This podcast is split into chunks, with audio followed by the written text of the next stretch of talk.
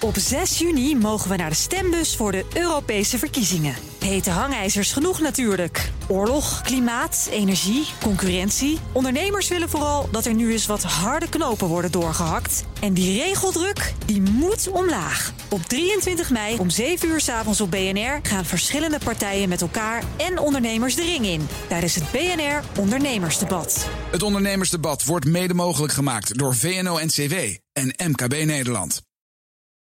BNR Bouwmeesters wordt mede mogelijk gemaakt door Bouwend Nederland. De bouw maakt het. BNR Nieuwsradio. BNR Bouwmeesters. Paul Lasseur.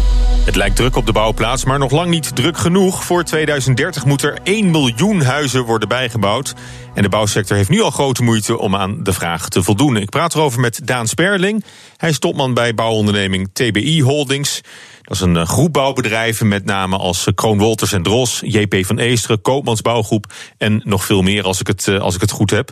Want hoe, goed, hoe groot, meneer Sperling, is jullie bouwonderneming precies als je al die onderdelen bij elkaar optelt? Uh, ik zou het een bouw- en installatieconcern willen noemen. Wij zijn uh, actief in de woningbouw, de mm. utiliteitsbouw, de projectontwikkeling, de infra- en de installatietechniek. We zijn een uh, Nederlands georiënteerd bedrijf met een omzet vorig jaar van 1,7 miljard euro.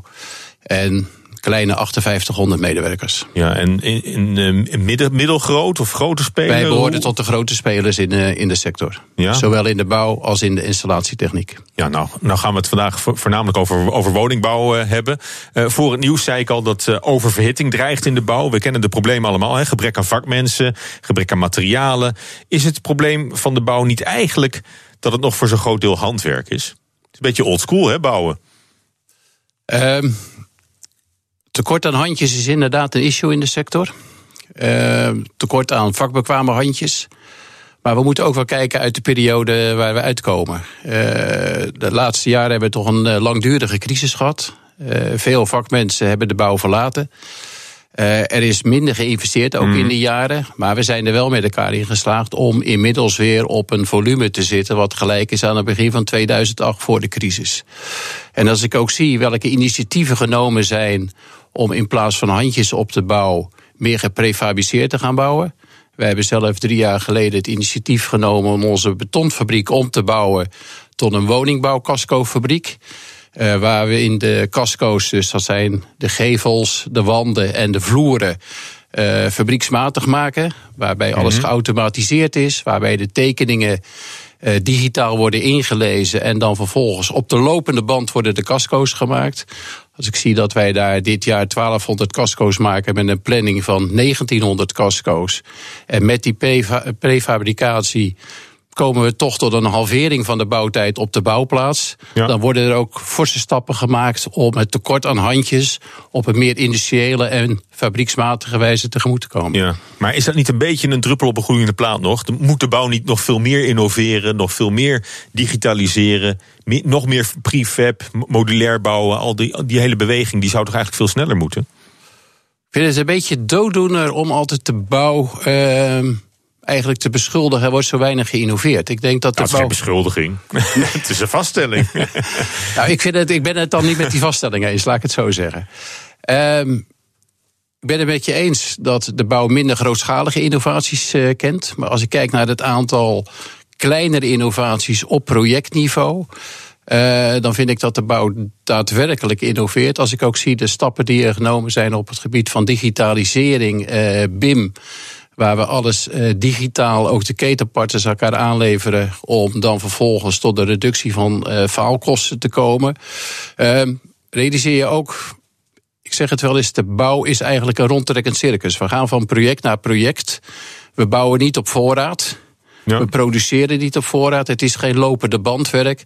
En als ik zeker zie met uh, nieuwe technologieën, nieuwe technologie op de bouwplaats, uh, nieuwe procestechnologieën, nieuwe contractvormen dan uh, nogmaals, je zei het is geen beschuldiging, maar ik ben het ook met de vaststelling niet eens.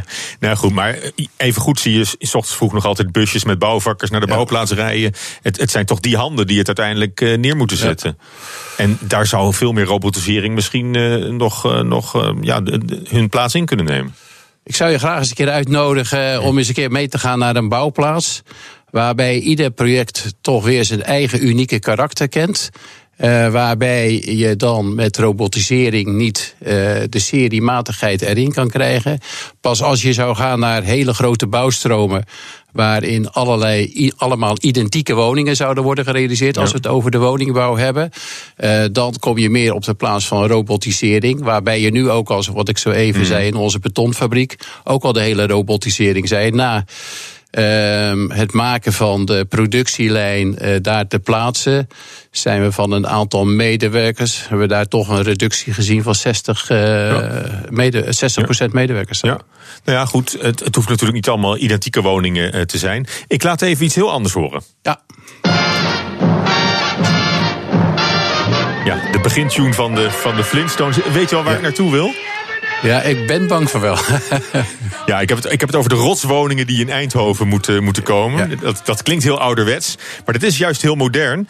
En dat zegt uh, Rudy van Gurp van uw concurrent Van Wijnen. Om niet in een prehistorische omstandigheid te wonen, het is juist high-tech. Um, we zetten uh, robotisering in, in de bouw. Ja, hij is van project Milestone, hè, deze meneer ja. Van Gurp. Uh, door robotisering denkt hij dat in de toekomst veel minder mensen nodig zijn in de bouw. Maar het belangrijkste voor is de, juist de vormvrijheid en niet die identieke woningen. De vijf woningen die we nu gaan maken, ja, die lijken ook in de verste verte niet op uh, traditionele woningen zoals wij die kennen in, uh, in Nederland. Ja, wat, wat vindt u eigenlijk van het project? Er is een aantal huizen die, die zien eruit als rotsblokken. Eigenlijk als Flintstones huisjes. Hè, zo worden ze eh, gekscherend eh, genoemd. Vindt u, eh, daar, daar zult u ook met belangstelling naar kijken. Want het zijn 3D geprinte woningen. Ja. Ja, ik heb vandaag ook het verhaal gelezen dat de eerste vier woningen gerealiseerd zijn. Ook mooi om te zien dat Rudy van Gurp een voormalige werknemer van, uh, van ja. TB is. Dus hij heeft ook de goede lessen bij ons uh, meegenomen. Um, een baanbrekend initiatief. Als je een, een, woning en niet alleen een klein object, maar een volledige woning, uh, de wanden en de gevels, uh, al uit de 3D-betonprinter. Het is nu alleen wel de vraag in hoeverre kan je op gaan schalen. Uh, en in hoeverre zijn de unieke producten die hieruit kunnen komen, kunnen die tegemoetkomen aan de vraag van de consument. Ik vind het wel een. Willen mensen zo wonen in een, in een termietenheuvel? Of, uh... Nou ja, kijk, uh, we moeten niet alleen maar bouwen wat wij als ontwikkelaars en bouwers mooi vinden. Het gaat erom wat de consument wil. waar wil men in, in wonen? Ik, ik heb de woningen nog niet in levende lijven gezien. Maar ik vind het wel knap dat hier met een ja, aantal van, betrokken... Van binnen zijn de wanden wel recht, geloof ik. Je kan wel ja. gewoon een schilderij ja. ophangen of, of een, een klassie, antieke kast neerzetten. Maar je kan met 3D-technieken natuurlijk ook woningen bouwen die er heel traditioneel uitzien. Zou, zou dat meer uw, uw voorkeur hebben? Het gaat mij er niet zozeer om wat de vorm wordt. Uh, het gaat mij ook niet om identieke woningen. Nou goed, het met, gaat maar met een oog op de markt of de vraag in de markt. Ja, maar de vraag is meer uh, bij een. Ik, ik, denk dat wij toch een productiedoelstelling in Nederland moeten hebben aan de woningvraag te voldoen van minimaal 75.000 woningen per jaar. Mm. Of dan heb je seriematigheid nodig.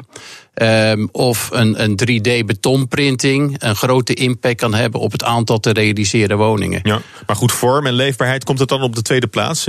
Zet u dan productie voorop? Nee, ik denk dat het een combinatie is van productie, vorm en leefbaarheid.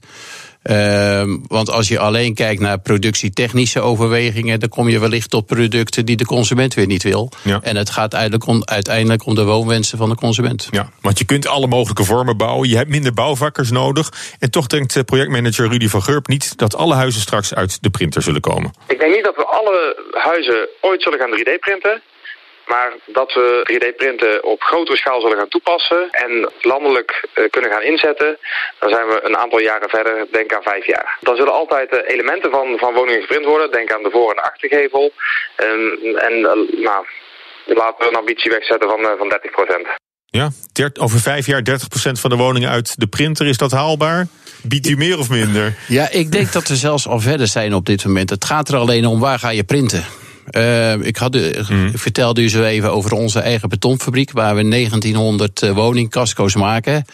Als we daar klanten krijgen, dan zeggen we: loop eens mee naar onze betonprinter. Alleen is dat een lopende baan uh, waar in de mal beton wordt gegoten voor de wanden en de gevels van de woningen. Um, het gaat er ook niet om dat je het betonprinten op locatie zelf mag doen, maar dat je het fabrieksmatig gaat doen. Mm. Oftewel, het gaat mij niet zozeer om 3D-betonprinting. Het gaat me veel meer om prefabricage en industrialisatie van de woningbouw. Ja, nou ja, goed. Eh, bouwers die zien daar oplossingen in hè, om de capaciteit te vergroten met minder mensen. Het probleem is alleen, waar zet je die huizen neer? Want nog een, nog een belangrijk knelpunt op de bouwmarkt is het tekort aan projectlocaties en de eindeloze procedures. Dat zometeen. BNR Nieuwsradio. Bouwmeesters. Mijn gast is Daan Sperling van bouwonderneming TBI Holdings. En we praten over wat er allemaal moet gebeuren om de woningproductie te versnellen. Want voor 2030 moeten 1 miljoen huizen worden bijgebouwd. En in dit tempo gaat dat niet lukken. Maar de bal ligt ook bij de overheid. Uh, regelgeving en jarenlange inspraakprocedures die zorgen voor een aanzienlijke vertraging van het bouwproces. Bij een van jullie projecten, Waterfront Harderwijk, duurde het zelfs 12 jaar voordat met de bouw begonnen kon worden. En verslaggever Thomas Schuurman die zocht uit waarom het zo lang moest duren. Waar wij hier tegenaan gelopen zijn eh, de afgelopen uh, ja, tien jaar dat we hier al aan het ontwikkelen zijn. Hans Smit, directeur van Koopmans. Dat er in de Tweede Wereldoorlog uh, toch heel veel bommen uh, neergegooid zijn. En dat we dachten dat alles wel gedetecteerd was in een bommenonderzoek. Maar achteraf bleek dat er toch nog veel meer bommen waren. Dus hebben wij een forse vertraging van bijna een jaar opgelopen in de, in de plantvorming. En het aardige is, tussentijds vonden we ook nog, en dat kun je bijna archeologie noemen, maar zo oud was het niet, maar ook nog een vliegtuigwrak uit de Tweede Wereldoorlog. En dat moest ook nog heel specifiek geborgen worden. Komen de kwastjes en dergelijke om de hoek, hè? Dan weet je dat mensen heel rustig elk zandje weg gaan, gaan vegen. Precies, en, nou, en dat moet je nog met respect doen, want er was niet zeker of er nog missielichamen van piloten in zouden zitten. Dus dat is, Zaten die erin? Als je me het eerlijk vraagt, weet ik het niet precies. Volgens mij niet. Nou, een ander punt waar wij veel vertraging mee op hebben gelopen... is uh, het was een gebied waar uh, heel veel asbest in de grond zat. En het bleek toch ook wel dat ook die hele asbestproblematiek zo, uh, zodanig grootschalig was... dat er specifieke methoden voor bedacht moesten worden... die nog niet eens in Nederland toegepast werden. En die zijn allemaal uitgevonden. Dat heeft onze partner Boskalis gedaan. Al met al wel een vertraging van jaren? Daar praat je wel over twee tot drie jaar, ja, een vertraging. Zeker. Ja, noem een probleem. En ze hadden ermee te maken hier bij deze nieuwbouwwijk. Die ligt tussen het historische centrum van Harderwijk, het water, hè, waar ook de nieuwe haven ligt, en het dolfinarium dat om de hoek ligt. Uh, ja, die dolfijntjes zijn gevoelige beestjes. Hebben die nog last van jullie? Nou, de dolfijnen zijn en mooie beesten, maar ook heel gevoelig. Uh, je hoort op de achtergrond misschien nog wel onze, onze heistelling. Wij mogen niet in bepaalde delen van het jaar mogen wij niet heien. Omdat dan de beesten overgevoelig zijn voor trillingen. Dat betekent dat we op dat moment ja, de bouw uit moeten stellen tot het moment dat het wel kan. Ik zie hier ook een woontoren. Ehm, halverwege zo'n beetje, denk ik. Klopt, uh, nou, nog niet eens halverwege. Uh, zeg maar uh, 40% hoog. nog, nog, nog een zestal verdiepingen en dan komen we aan de 50 meter. Nou, hier hebben we een specifiek probleem gehad dat het bestemmingsplan niet meer paste bij de uiteindelijke plan wat we nu gaan realiseren. Dat betekende toch weer dat wij een, een bestemmingsplanwijziging moesten toepassen. En dat was ook een verrassing voor de gemeente. En kost toch weer zes tot negen maanden extra proceduretijd. Ja, verslaggever Thomas Schuurman die was in gesprek met directeur Hans Smit van Koopmans TBI. Nou, uw collega, meneer Sperling, eh, klaagt steen en been over, uh, over de vertraging, over de inspraakprocedures. Zou dat allemaal niet een beetje korter kunnen ook? Ik denk dat dit wel een, een duidelijk signaal is uh, wat het probleem in de sector is met de woningbouw. Grote plannen kenmerken zich vaak door vertraging tijdens de bouw. Dat is ook een gegeven. Uh, obstakels in de grond, uh, procedures. En als je dan kijkt naar de toekomstige opgave, laten we eens uitgaan van 75.000 woningen per jaar. Dan is gegeven de situatie op locaties dat het altijd langer duurt voordat je daadwerkelijk tot realisatie komt, vertraging tijdens de bouw, dan is in mijn ogen de grote zorg voor de woningbouw het tekort aan plancapaciteit. Oftewel, er zijn te weinig, tot heden te weinig locaties aange wezen om uh, de doelstelling voor 2030, 1 miljoen nieuwe huizen, echt te gaan realiseren. Maar goed, hier, hier had je een locatie. Het duurde toch twaalf jaar voordat met de bouw begonnen kan, kan worden. Dus, uh, maar maar de, deze plek was daar wel voor, voor aangewezen. Maar het is, het is het hele rijtje. Het is eigenlijk een beetje karikaturaal bijna. Maar uh, de, de, of er ligt wel een vliegtuigbom. Of er, er zit een knoflookpad uh, in het terrein. Of een ander zeldzaam torretje. die dolfijnen. Ja. Maar je kan dan ook kiezen om, om te boren in plaats van te heien bijvoorbeeld. En dan kan je wel door. Ja, alleen is het uh, boren van uh, heipalen fors duurder dan het uh, heien van heipalen. Hmm. We moeten wel enigszins nuchter blijven kijken naar die twaalf jaar. Want er zaten zes crisisjaren in waarbij er geen vraag was naar de woningen. Dus sowieso heeft het plan ook in de crisistijd stilgelegen. Oh, dus het lag meer economisch stil dan dus dat het, het heeft ook een economische achtergrond. En het heeft een, een technische achtergrond met obstakels in, in de bodem. Um, om daar bij toch de optimistische kant te zien. Ik ben zelf uh, heel erg uh, ingenomen met uh, de woonagenda waar minister Ollongren het initiatief toegenomen heeft. Met als uitgangspunt die 1 miljoen woningen erbij tot 2030. Uitgaande van een productie van 75.000 woningen per jaar. En in die woonagenda met een aantal stakeholders zoals met NEPROM, Vereniging Eigen Huis, et cetera, gesloten. Zie je dat de minister, het kabinet, ook duidelijk weer de regie naar zich toetrekt. Ze doen dat uh, met, een, met een brede coalitie die halfjaarlijks kijkt hoe ver lopen we nou voor of achter op de woningbouwopgave. Maar dat is die, die stip op de horizon met een lelijk woord uh, om, om te komen tot 1 miljoen nieuwe woningen in 2030. Ja, het is niet alleen de stip op de horizon. Er gaat ieder half jaar gemonitord worden in die brede coalitie. Er komt lokaal woningteamoverleg hm. om te kijken hoe de regionale woningopgave zich uh, ontwikkelt. Zeker in dit verband zou ik willen noemen dat de minister toegezegd heeft om voor de zomer, voor het zomerreces, met een voorstel te komen tot een aanpassing van de crisis- en herstelwet en eventuele belemmeringen in wet en regelgeving eh, weg te nemen en een aantal expertteams te benoemen die vastgelopen projecten weer ja. los willen krijgen. Maar dus, betekent dat bijvoorbeeld ook dat zij de gemeente of de provincie kan overroelen en, en bouwlocaties kan aanwijzen? Als ik me niet vergis, ging dat met de Finex-locaties ja. ook zo in het, in het verleden. Het woonagenda, de woonagenda eh, behelst niet het, aan, het actief aanwijzen van, uh, van bouwlocaties. De woonagenda is meer de dialoog. Zou, zou dat niet toch moeten? Um, ja, dat is afhankelijk van de discussie, hoe de discussie beslecht gaat worden. De grote discussie in Nederland is nu: waar kan de woningopgave gerealiseerd gaan worden? Echt, er, is, er is gewoon geen plek, of geen aangewezen plek. Er is nog geen u, u, u, ziet die locaties wel, maar om de een of andere reden komen ze niet vrij voor woningbouw. Nou, ik denk dat er meer plancapaciteit moet komen. Er moeten meer locaties aangewezen worden voor woningbouw. En er is best nog wel een tegenstelling of dat binnenstedelijk moet. Of mm -hmm. aan de randen van de steden. Ik vind dat dat in negatieve zin in de confrontatie wordt gebracht. Gaan we in de stad bouwen of gaan we in het groen bouwen? Ik denk dat je moet realiseren dat er een sterke trek is naar stedelijke regio's. Maar dat er ook een grote behoefte is aan uh, eengezinswoningen, laagbouw. Dus er is een voorkeur voor stedelijke woonmilieus en een voorkeur voor groene woonmilieus. En, ik zou er ook bij, wie is die voorkeur? Bij, bij, de, bij de bewoners? Bij de consument. Ja? Er zijn mensen die graag in de stad willen wonen, maar er zijn ook mensen, zeker gezinnen met kleine kinderen, die heel graag in een groen woonmilieu willen wonen. En ik zou de discussie ook veel liever willen voeren. Um, het zal en binnenstedelijk moeten. Maar we zullen ook aan de randen van de steden moeten maar bouwen. Wat, wat doen bouwers liever? Ik kan me voorstellen dat het makkelijker is om op een weiland te bouwen en makkelijk aan te rijden. En uh, toen maar binnenstedelijk kom je altijd met, uh, met problemen in aanraking. Ook met overlast voor de omgeving. Met, uh, ja, noem maar op. Ja, volgens mij is het niet de vraag wat bouwers liever willen. Volgens mij is nou. het de vraag. nee, het is niet de vraag wat wij liever willen. Het is de vraag wat goed is voor Nederland. Wat goed is voor de bewoners van de woningen, zowel de kopers als de huurders. Daarom noemde ik ook daarnet de voorkeuren voor enerzijds de stedelijke woonmilieus en anderzijds de groene woonmilieus. Ja.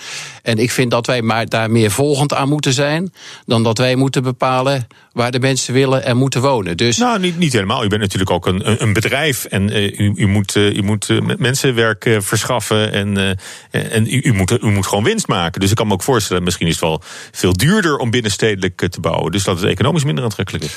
Binnenstedelijk bouwen is inderdaad duurder dan het bouwen aan de randen van de steden of het bouwen in de weilanden. maar nogmaals, ik pleit ervoor dat de woningbouwopgave, 1 miljoen nieuwe woningen tot 2030, alleen maar gerealiseerd kan worden door en binnenstedelijk te bouwen. Hm. En aan de randen van de steden te bouwen, waarbij ik wel een oproep doe. Uh, om dat in samenhang met de infrastructuur en de bereikbaarheid te zien. Ik las van de week het, uh, het voorstel uh, binnen de gemeente Utrecht om daar weer een nieuwe OV-terminal en, en uh, duurzame vervoerslijn aan te brengen. Mm. Ik denk ook dat het daar noodzakelijk is. Een klein voorbeeld. Ik stond vanochtend bij mij in Rotterdam in de lift. En er sprak iemand, zaten, spraken twee collega's met elkaar, waarbij de ene zei: Als er hier nou nog 40.000 inwoners bij komen, hoe zit ik dan s ochtends in de metro? Kan ik dan nog in de metro stappen? Dus het binnenstedelijk bouwen, woningbouwlocaties moeten altijd in samenhang gerealiseerd worden met de bereikbaarheid en een betere efficiëntie en, uh, van, het, uh, van de infrastructuurnet. Ja. Maar kunt u zich wel permitteren om, om te wachten tot dat ook allemaal geregeld is voordat uh, voor, nee. voor de, met die uitdaging begonnen wordt? Nee, nee het is geen wachten tot. Maar het zal, uh, zullen uh, plannen moeten zijn. Het zal het ontwikkelen van plancapaciteit zijn. Waar enerzijds de ruimtelijke locatie toe aanwezig is.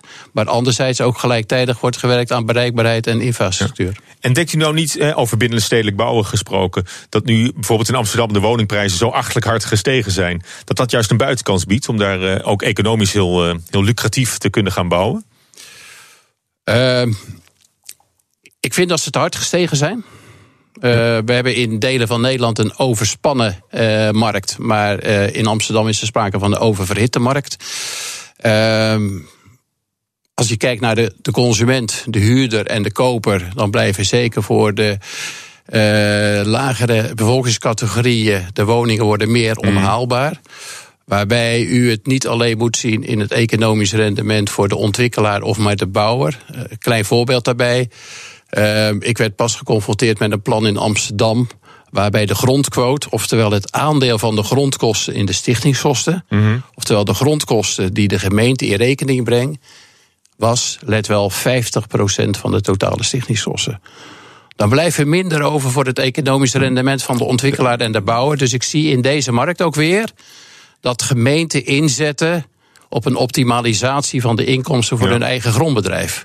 Of dat ten goede is van een gezonde woningmarkt, vraag ik mij het eerst af. Ja, nou, voor mij weet ik het antwoord op, op die vraag ik wel, als ik er zo ja. beluister. En, en denkt u nou nooit, dit heb ik allemaal al een keer meegemaakt? Want u, u draait al heel lang mee in, in, in de bouw natuurlijk. Ik maar, maar, draai maar al wat jaren mee in de bouw. Maar de roep om meer woningen, het tekort, het ook tekort aan personeel ook. Ik denk dat voor de crisis dat er ook wel van die periodes waren. We hebben ook de periode uh, begin uh, 80 meegemaakt. Die kan ik me niet echt actief herinneren. Want uh, toen kwam ik eigenlijk net mm. van school af. Ik kan me nog wel de periode eind 90 jaren herinneren. Waarbij er ook een grote woningbouwvraag was. Uh, waarbij wel sprake was van Finex. Waarbij er een um, enorme arbeidsproductiviteitsvraag was natuurlijk. Omdat toen ook gelijk een grote infrastructuur mm. werd aangelegd. Zoals de HSL en de Betuwe-route. Daarom wil ik het ook altijd wat relativeren. Nu het tekort aan handjes. Ook toen zijn we erin geslaagd om met elkaar te realiseren. Het grote gevaar daarbij is wel dat we een groot beroep moeten doen op buitenlandse arbeiders. Wat leidt tot communicatieproblemen op de bouw. Ja. Wij zijn een groot project in Rijswijk aan het realiseren. En daar kreeg ik pas een overzicht onder ogen dat daar 21 nationaliteiten werken. Dat, vind, is, dat, dat is nieuw ten opzichte van, uh, van, van, ja. van 20, 30 jaar geleden. We hebben veel meer uh, buitenlandse werknemers nodig. Ja. Uh, maar dat leidt tot communicatieproblemen op de bouw. En daar zitten mijn zorgen met name op het veilig werken. Maar dat is een, uh, dat is een ander onderwerp. Ik denk dat, we, dat ik u daar nog een keer voor, uh, voor terug moet vragen. Want de tijd zit er alweer op. Ik wil u hartelijk danken voor uw aanwezigheid en uw, uw verhaal. Daan Sperling, topman bij bouwonderneming TBI Holdings. En dit was BNR Bouwmeesters. U kunt terugluisteren via de site, de app, iTunes of Spotify. Tot volgende week. BNR Bouwmeesters wordt mede mogelijk gemaakt door Bouwend Nederland. De bouw maakte. Op 6 juni mogen we naar de stembus voor de Europese verkiezingen. Hete hangijzers genoeg natuurlijk. Oorlog, klimaat, energie, concurrentie. Ondernemers willen vooral dat er nu eens wat harde knopen worden doorgehakt. En die regeldruk, die moet omlaag. Op 23 mei om 7 uur s avonds op BNR gaan verschillende partijen met elkaar en ondernemers de ring in. Tijdens het BNR Ondernemersdebat. Het ondernemersdebat wordt mede mogelijk gemaakt door VNO-NCW en MKB Nederland.